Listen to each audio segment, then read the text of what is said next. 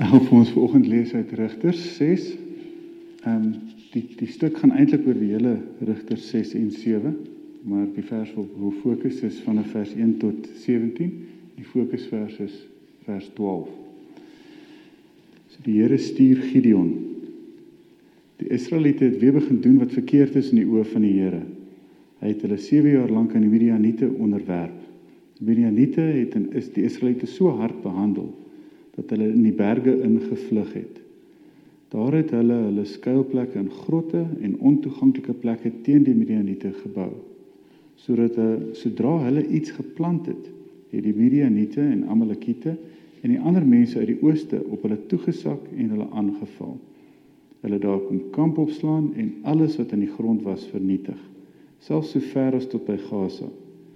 Hulle het nie 'n ding agtergelaat waarvan Israel kon lewe nie selfs nie so skaap of 'n bees of 'n donkie nie. Die hordes Midianiete het met hulle veetroppe gekom soos 'n swerm sprinkane, hulle tente oral opgeslaan. Hulle kamele kon nie eers getel word nie. Waar hulle ook al gekom het, het hulle die land kaal gestroop. As gevolg van die Midianiete was die Israeliete totaal teen die grond. Die Israeliete het toe by die Here om hulp begin smeek.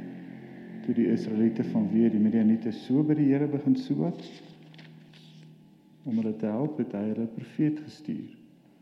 Hy het vir hulle gesê: "Dit is wat die Here, die God van Israel vir julle sê: Ek het julle uit Egipte laat trek. Ek het julle bevry van slawerny in Egipte. Ek het julle gered uit die hand van Egipte en wat hulle wat julle onderdruk het. Ek het hulle voor julle uitverdryf en ek het julle hierdie land gegee." Ek het vir julle gesê, ek is die Here julle God. Julle mag nie die gode dien van die Amorite in wie se land julle woon nie. Maar julle wou nie na my luister nie. Die engel van die Here het onder die eikeboom in Orfa kom sit. Dit het aan Joas die Abisier se familie behoort. Sy seun Gideon was besig om onder op die vloer van 'n parskyp koring uit te slaan. Hy het daar vir die Midianiete weggekruip. Die engel van die Here het toe aan hom verskyn en vir hom gesê: Die Here is by jou, dapper man. Dis die fokusvers ook.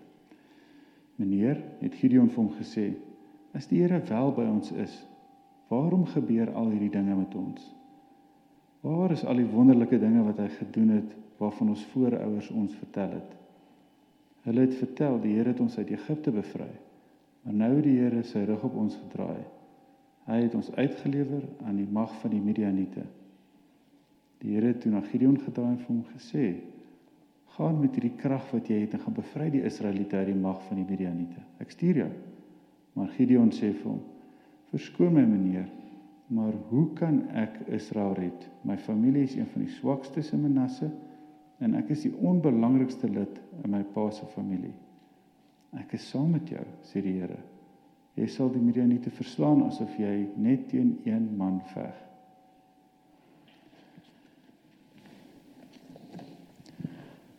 Wat verder gebeur hierso ken julle seker, maar ek wil dit so 'n bietjie opsom. So Gideon vra dan vir 'n teken. Hy sê, "Oké, okay, maar kan ek 'n teken kry?" En hy bring 'n offer wat hy op 'n klip sit en die boodskapper van die Here raak daan met sy staf en dit slaan aan die brand en brand weg. So so wonder en hy besef dit en hy sê, "Oké, okay, hy verstaan ehm um, dat dit is nou wonder en, en daar's nou aksie en hy het 'n roeping."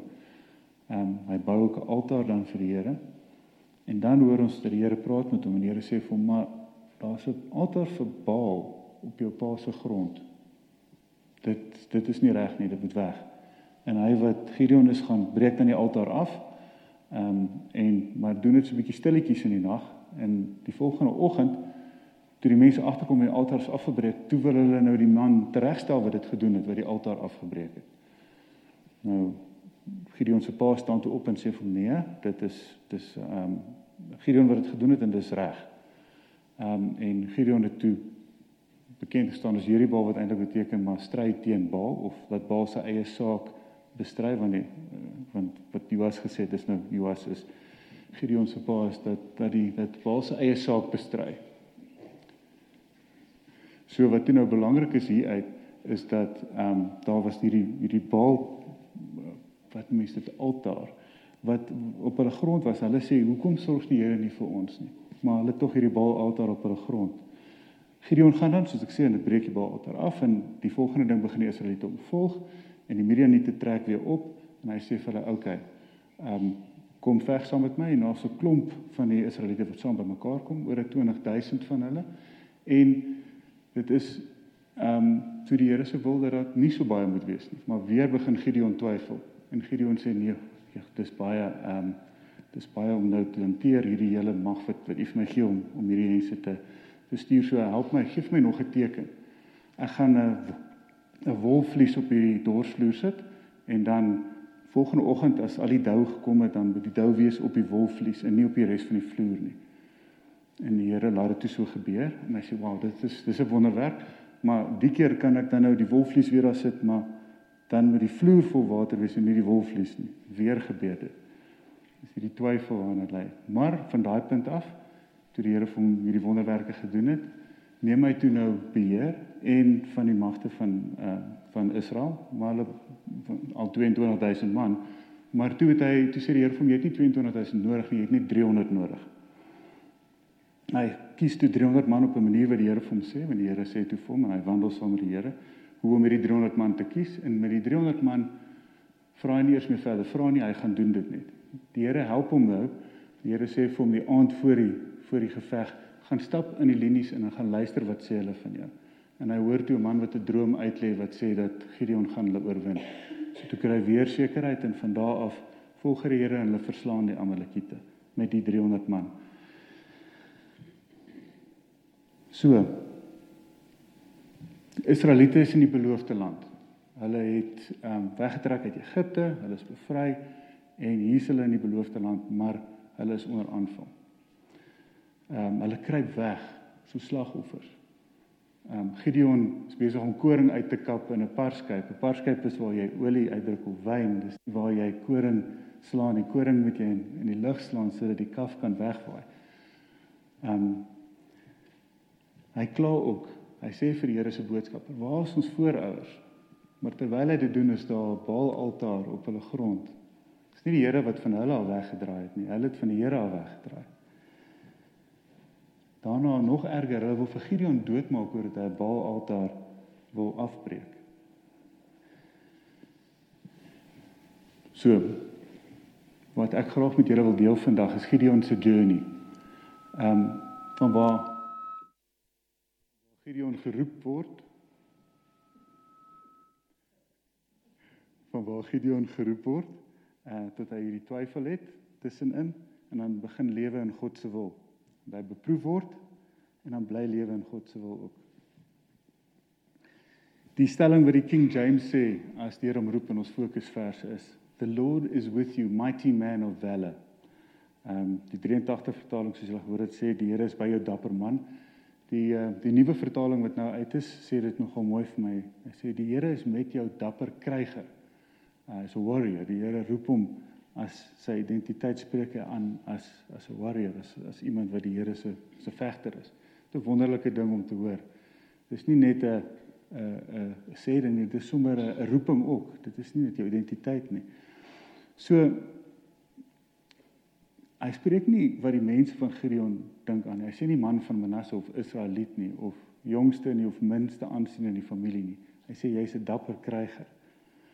Dit laat my dink aan ehm uh, Matteus 3:17 waar waar Jesus gedoop word en hy opkom en die Here sê vir hom dis my geliefde seun oor hom verheug ek my. Dis 'n wonderlike ding oor iemand te sê dit spreek haar identiteit aan. Wat noem die Here jou? Weet jy wat sy naam vir jou is? Ons weet in die Bybel sê hy jy's my geliefde kind, 'n ligdraer, heilige, geliefd, aangeneem, aanvaar, vergewe highly exalted, die mooi King James ene. Al die name is ook hier op die uh, woord aan die kant, uitgekies, oorwinnaar. Dit is nie hier om net te survive nie, dit is hier om te thrive. So dis nie wat die wêreld van ons sê nie, is ons sterk, swak, slim, dom, mooi, lelik. Dit is dis die wêreld se persepsie van ons is ryk, ons is arm. Daai goeters is is wêreld. Dis nie wat die Here van ons dink nie. Dit werk nie op ons roeping nie.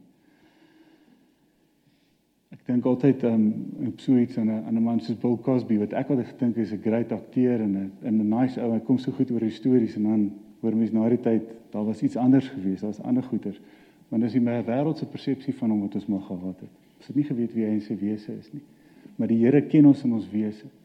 Hy het ons in ons moederskoot aan mekaar gewewe.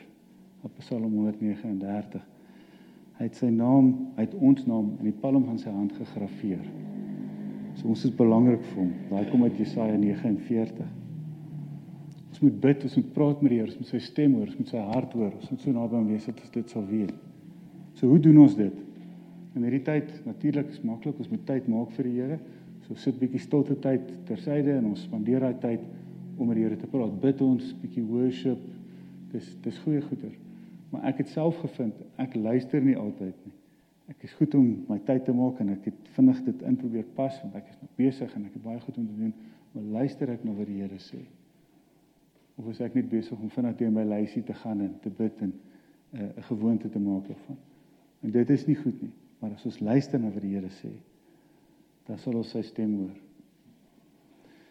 Ons praat oor die twyfel wat ons nou ook hierso sien, hierdie twyfel wat Gideon so gepak het. Ek bedoel hy het drie wonderwerke gesien en hy vra nog steeds hierdie vraag. Hy hou aan sê, "Oeg, maar wat van as hierdie? Wat van as daardie?" Nou dit is 'n groot challenge, maar hy hoor die Here. Dink aan Moses wat by die brandende bos verbygestap het. En besef hy dis heilige grond en besef hy sien die Here. En dan sê hy vir die Here, "Kom praat met my." En dan sê die Here vir hom, "Jy gaan die Israeliete red." Maar wat doen hy dan? Dan sê hy, "Ooh, hulle gaan nie my luister nie. Ehm, um, miskien iets nodig." sê jy, "Oké, okay, ek gaan vir jou kierie gee en dan gaan hulle die slang verander en dan as jou hand in jou bors steek en jy bring hom uit dan hy so wit soos molaats en as jy hom terugsit dan sê hy genees. Dit gaan die mense oortuig. Sê, "Ooh, ja, dis great, maar ek praat nie so lekker nie." Ehm um, ek sukkel om te praat. Sê, "Oké, okay, dan sê ek seker vir jou vir Aaron gee, maar ek sê jy kan dit doen, maar okay, jy kan nou Aaron ook kry." So dis dis normaal om te twyfel en dis van geloof self hierdie wat van Johannes die Doper. Hy sien een wat Jesus gedoop het, né? En hy het gehoor hoe die Here sê dit is my seun, ek verheug my oor hom. Hy het die duif sien afkom. En dan Lukas 7 vers 18 tot 35 stuur hy sy disippels waar in die tronk sit en hy sê is u die Messias wat ons verwag? Of moet ons nog vir iemand anders wag? Dis twyfel van Johannes die Doper af. Maar Jesus antwoord hom baie mooi en stuur sy boodskappers ook weg met 'n mooi boodskap. Maar ons leer ook hoe ons dit eintlik moet hanteer by Johannes die Doper, want hy het hierdie twyfel en hy vat dit na Jesus toe en hy vra vir Jesus: "Help my, want ek twyfel." Petrus is ook vir my baie mooi voorbeeld. Hy is die enigste van die disippels wat op water geloop het vir 'n bietjie. Maar toe het hy ook begin twyfel. Die Here het hom gesê: "Kom." En hy het gestaan op die water. En toe het hy geraas gesien, die golwe en die see en besef waar my besig is en toe klein gelowig geraak. Is jy ook onseker? Ons kan almal by tye onseker wees. Soos ons uit Johannes se se stukkie sien. Maar ons moet ons draai na God se beloftes. God gee ons wonderlike beloftes in die Bybel waaraan ons hom kan hou. God beloof ons krag in Jesaja 40 vers 29 tot 31. Beloof dat hy sal voorsien Dis uit Filippense 4 vers 19. Hy beloof redding, Romeine 10 vers 9. Hy beloof die ewige lewe, Openbaring 21 vers 7. Hy beloof beskerming in Psalm 91. God beloof ons ook liefde en vryheid, Johannes 3 vers 16. Ons vergeet soms van die beloftes. Die Here sê ons kan hom aan sy beloftes hou. Vergeet ons soms wat God vir ons gedoen het. Ons vergeet maklik die, die mooi dinge wat gebeur het, die blessings, want dit is makliker om 'n skaar te onthou om iets te sien wat verkeerd gegaan het. Dit maak 'n baie groter merk en indruk op ons. So 'n goeie voorbeeld daarvan is maar die slagofferkultuur wat ons in die land het. Ek onthou selfs toe klein was, het ek my my oupa al hoor praat oor die oor die eh, konsentrasiekampe en die Engelse wat wat hierdie verskillende dinge gedoen het. Ehm um, ons het nou 'n regering wat na 25 jaar nog steeds apartheid as 'n as 'n banier van slagofferskap waai. Ons het ehm um, BE vandag waar mense sê ooh, ek kan nie werk kry nie want daar's BE, dit ek word benadeel. Ehm um, ek het korrupsie, korrupsie. Ek kan nie ek kan nie 'n besigheid kan nie besigheid doen nie. Daar's geweld. Ag, dit is verskriklik hierso. COVID. Ek kan nie iets doen nie. Ek kan nie werk toe kom nie. Ek kan nie kerk toe kom nie. Dis alles dis alles verskonings om slagoffer te wees. Dis nie wie die Here ons roep nie. Die Here roep ons oorwinnaars. Jy sien Romeine 8 vers 37. Ons is meer as oorwinnaars in hom. In hierdie stukkie moet die Here ook die hele tyd die volk herinner. Ek het julle uit slawerny bevry. Ek het julle uit Egipte uitgebring. Ek het julle hierdie land gegee. Dis dis julle sin. Julle dis dis dis julle God gegeewe geskenk. Wat doen julle daarmee? Hierdie geraas van die wêreld skree baie keer hard bo bo al die kere wat God ons aangeraak het. Waar hy vir ons voorsien het, ons genees het. Ons het al baie getuienisse in die kerk gehoor, mense wat wonderbaarlik genees is, wonderbaarlike verandering in lewe ervaar het. God het nie wit broodjies nie, hy sal dit van elkeen van ons doen. Elkeen van ons in sy hart.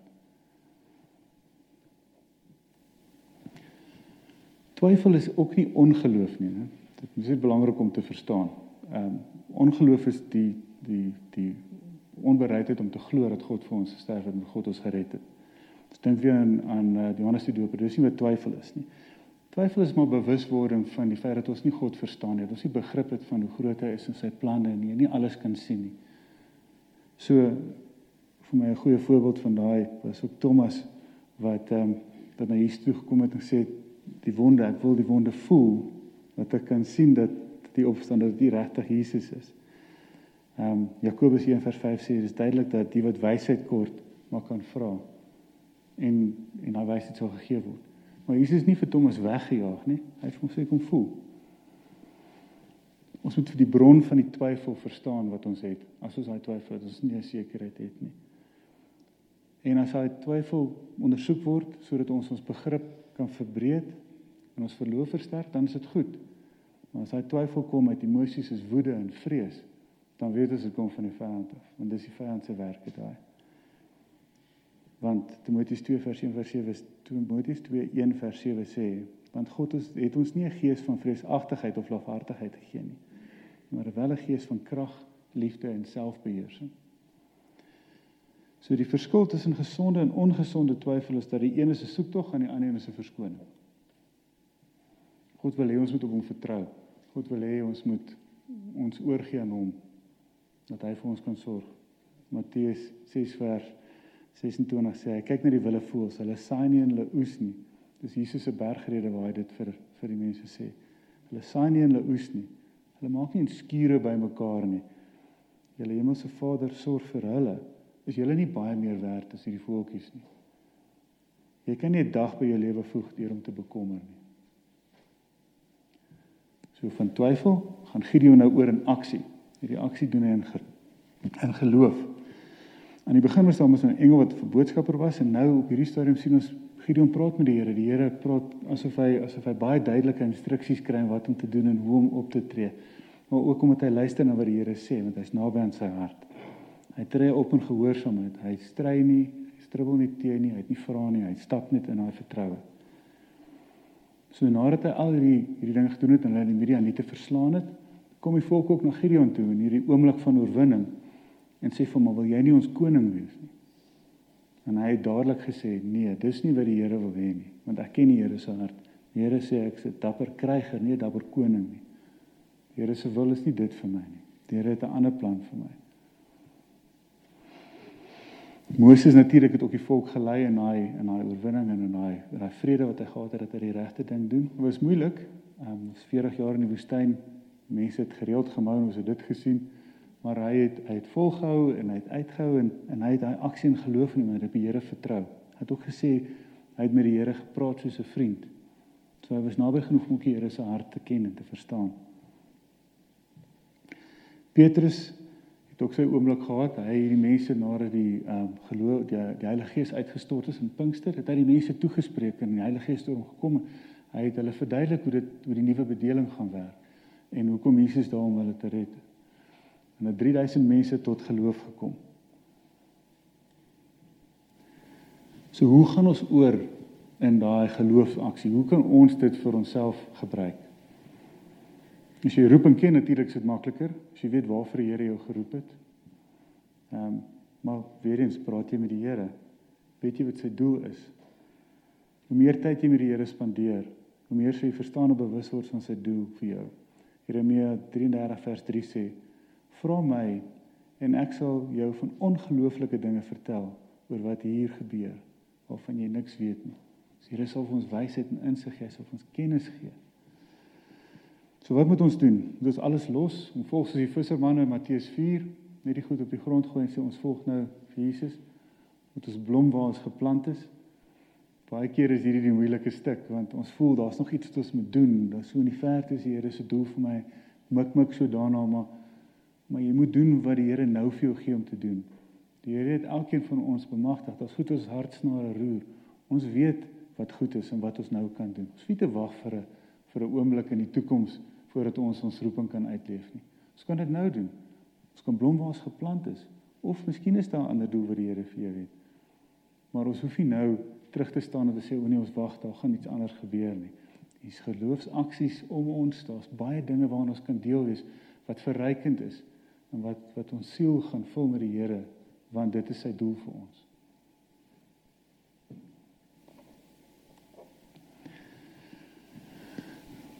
So Matteus 16 sê Jesus vir sy disippels: "Maar julle, wie sê julle is ek?"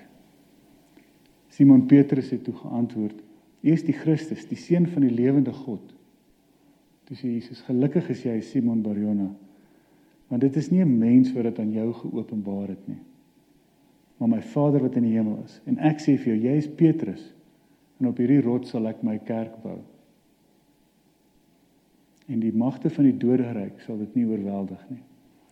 Ek gaan aan jou die sleutels van die koninkryk gee van die hemel. En wat jy op die aarde toesluit, sal in die hemel toegesluit bly en wat jy op die aarde oopsluit, sal in die hemel oopgesluit bly. Openbaring 1:17 vertel Johannes ons van sy visioen en daar sê Jesus praat Jesus weer oor hierdie sleutels. En hy sê toe ek hom sien, dis nou Johannes toe hy die Here sien, het ek by sy voete neergeval en bly lê soos een wat dood is. Hy het met sy regterhand aan my gevat en vir my gesê moenie bang wees nie. Dit is ek die eerste en die laaste. Die lewende. Ek was dood en kyk, ek lewe tot in alle ewigheid en ek het die sleutels van die dood en die doderyk. So Petrus verteenwoordig die kerk hierso. En dit die Here sê ook die kerk is waarop ek my rots gebou. Hy verteenwoordig vir my en jou. God gee vir ons die sleutels tot die koninkryk. Alles wat ons oopsluit op aarde, sal in die hemel oopsluit bly. En alles wat ons toesluit op aarde, sal in die hemel toegesluit bly. So wat beteken dit? Die Here gee vir ons die vermoë om sy wil hier op aarde uit te voer sy stamp of approval, sy autoriteit om as ons in sy wil lewe om dit te gaan uitvoer. Ek dink ons besef altyd die omvang van die autoriteit wat Jesus vir ons gee nie. Hy bemagtig jou en my om op te tree in sy gesag. Sy wil te laat geskied. Dit is 'n wens vir elkeen van ons. Sy gesalfdes. So ek wil julle laat met hierdie vraag. Wat doen julle met die autoriteit wat julle gekry het? Is jy Jesus se gesalfde koning, priester, profeet, geneesheer, disipel, intercessor, prediker, kryger, dapper held, ligdraer? Daar's nog baie ander. Vir brevity gaan ek nie nou probeer almal sê nie, maar dis my hoop dat jy duidelik sou hoor wie God sê jy is. Want met hierdie inligting kan jy dan aksie neem. Elkeen van ons het 'n plek en 'n doel in God se koninkryk.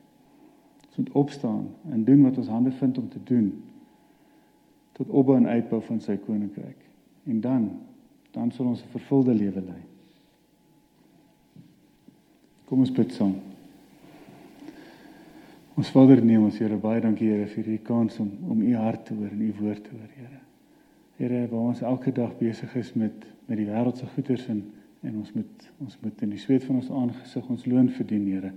Dit is moeilik om altyd ons oë op U te hou, Here. Geef ons daai tyd, Here, dat ons daai tyd saam met U spandeer, Here. Dat ons U stem kan hoor, U roepstem, Here. Dat ons dit so naby ons kan hê dat soos 'n hartklop, dat ons U hart vir ons kan verstaan. En kan verstaan wat U vir elkeen van ons voor het. Here, ons wil U wil en nie ons nie. Ons wil meer van U en minder van ons. Here, ons wil U lig in hierdie wêreld uitdra en vir ander wys dat U goed is. Here sodat hulle ook kan deel met die wonderlike vreugde wat ons het. Ons is ook dankbaar Here dat ons hier kan saamkom in die koninkryk en in die kerk. Here ons bid dat dit ook meer kan gebeur en in 'n meer kerke kan gebeur Here sodat die mense wat alleen staan, Here, weer die gemeenskap van heiliges kan ervaar en beleef soos dit U wil hê ons moet. Ons is dankbaar, Here, vir U genade. Ja, help ons om hierdie twyfel aan te spreek, Here, sodat ons nie sal vasval daarin nie.